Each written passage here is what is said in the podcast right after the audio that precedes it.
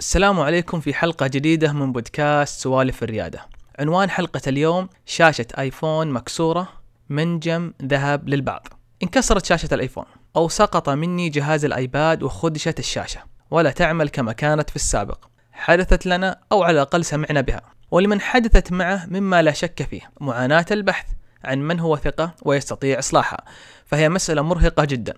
فعليك البحث عن من يستطيع إصلاح الجهاز وليس كلا مهيأ لإصلاح أي موديل بالإضافة هل بعد الإصلاح سيعود الجهاز كما كان؟ وما مدى جودة القطع المستخدمة؟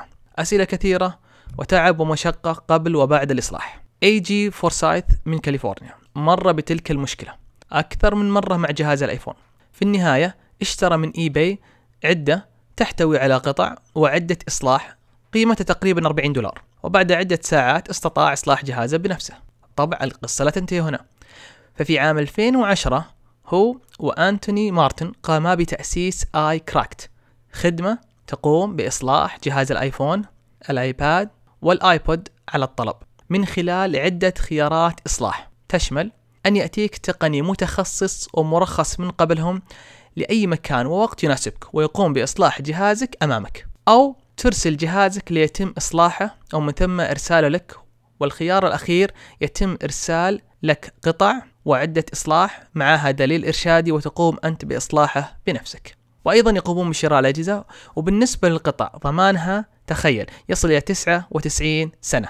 كما هو معلن على موقعهم. iCracked قبلوا في المسرعة الريادية الشهيرة Y Combinator في 2012 وحصلوا لانضمامهم فيها على 150 ألف دولار. وهذا ساعدهم بزيادة التقنيين المرخصين لديهم من 60 إلى 125 وعندما تخرجوا من المسرعة حصلوا على 500 ألف دولار من إس في إنجل.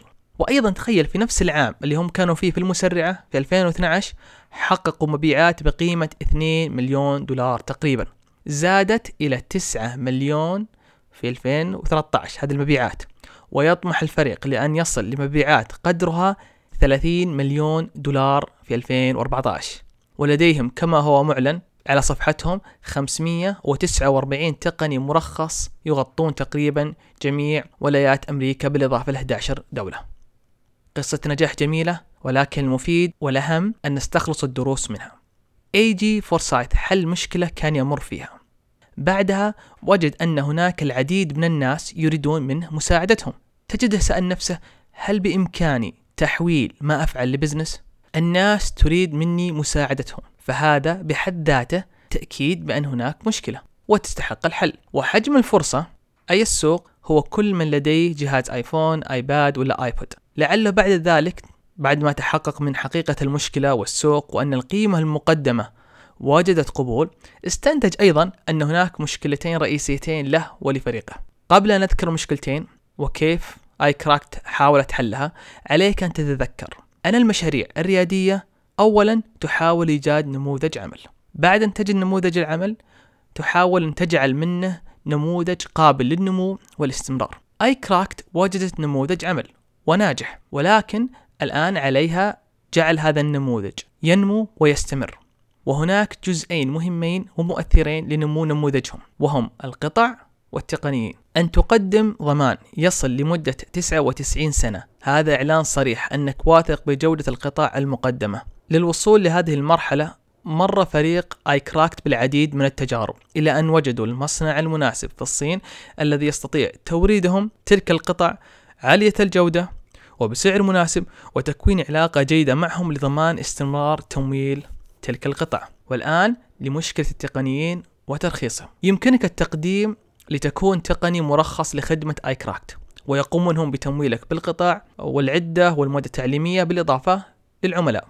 ولكن لضمان أن هؤلاء التقنيين يطابقون قيم ومعايير iCracked العالية نظرا لأن هؤلاء يمثلون الشركة. ولكن الشركة لا تستطيع متابعتهم باستمرار. لذلك كان عليهم إعداد برنامج توظيف عالي المعايير لضمان جودة عالية. تخيل يتم رفض 99% من طلبات الانضمام. وذلك لأن المتقدم يمر بعدة اختبارات تشمل التحقق من أن ليس لديه سوابق ومن ثم اختبار يحدد الشخصية.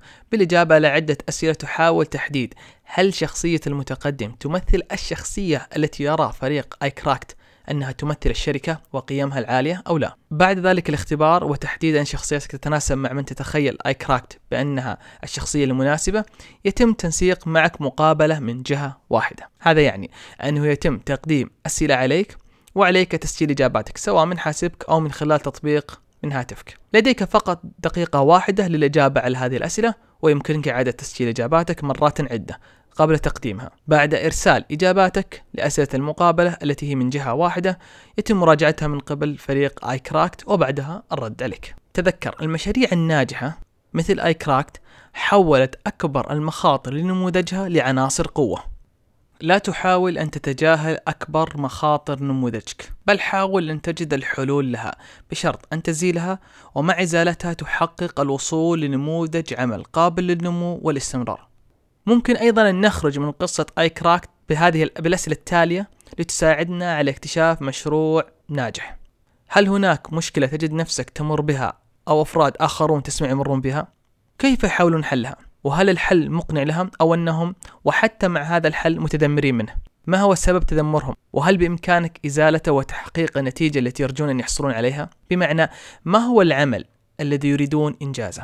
وما هي المقاييس التي يعتمدون عليها بأن العمل تم الانتهاء منه بنجاح؟ وما هي العوائق لإنجاح ذلك؟ وبهذه الأسئلة ننتهي من هذه الحلقة. مع تمنياتي لك التوفيق والنجاح بإذن الله.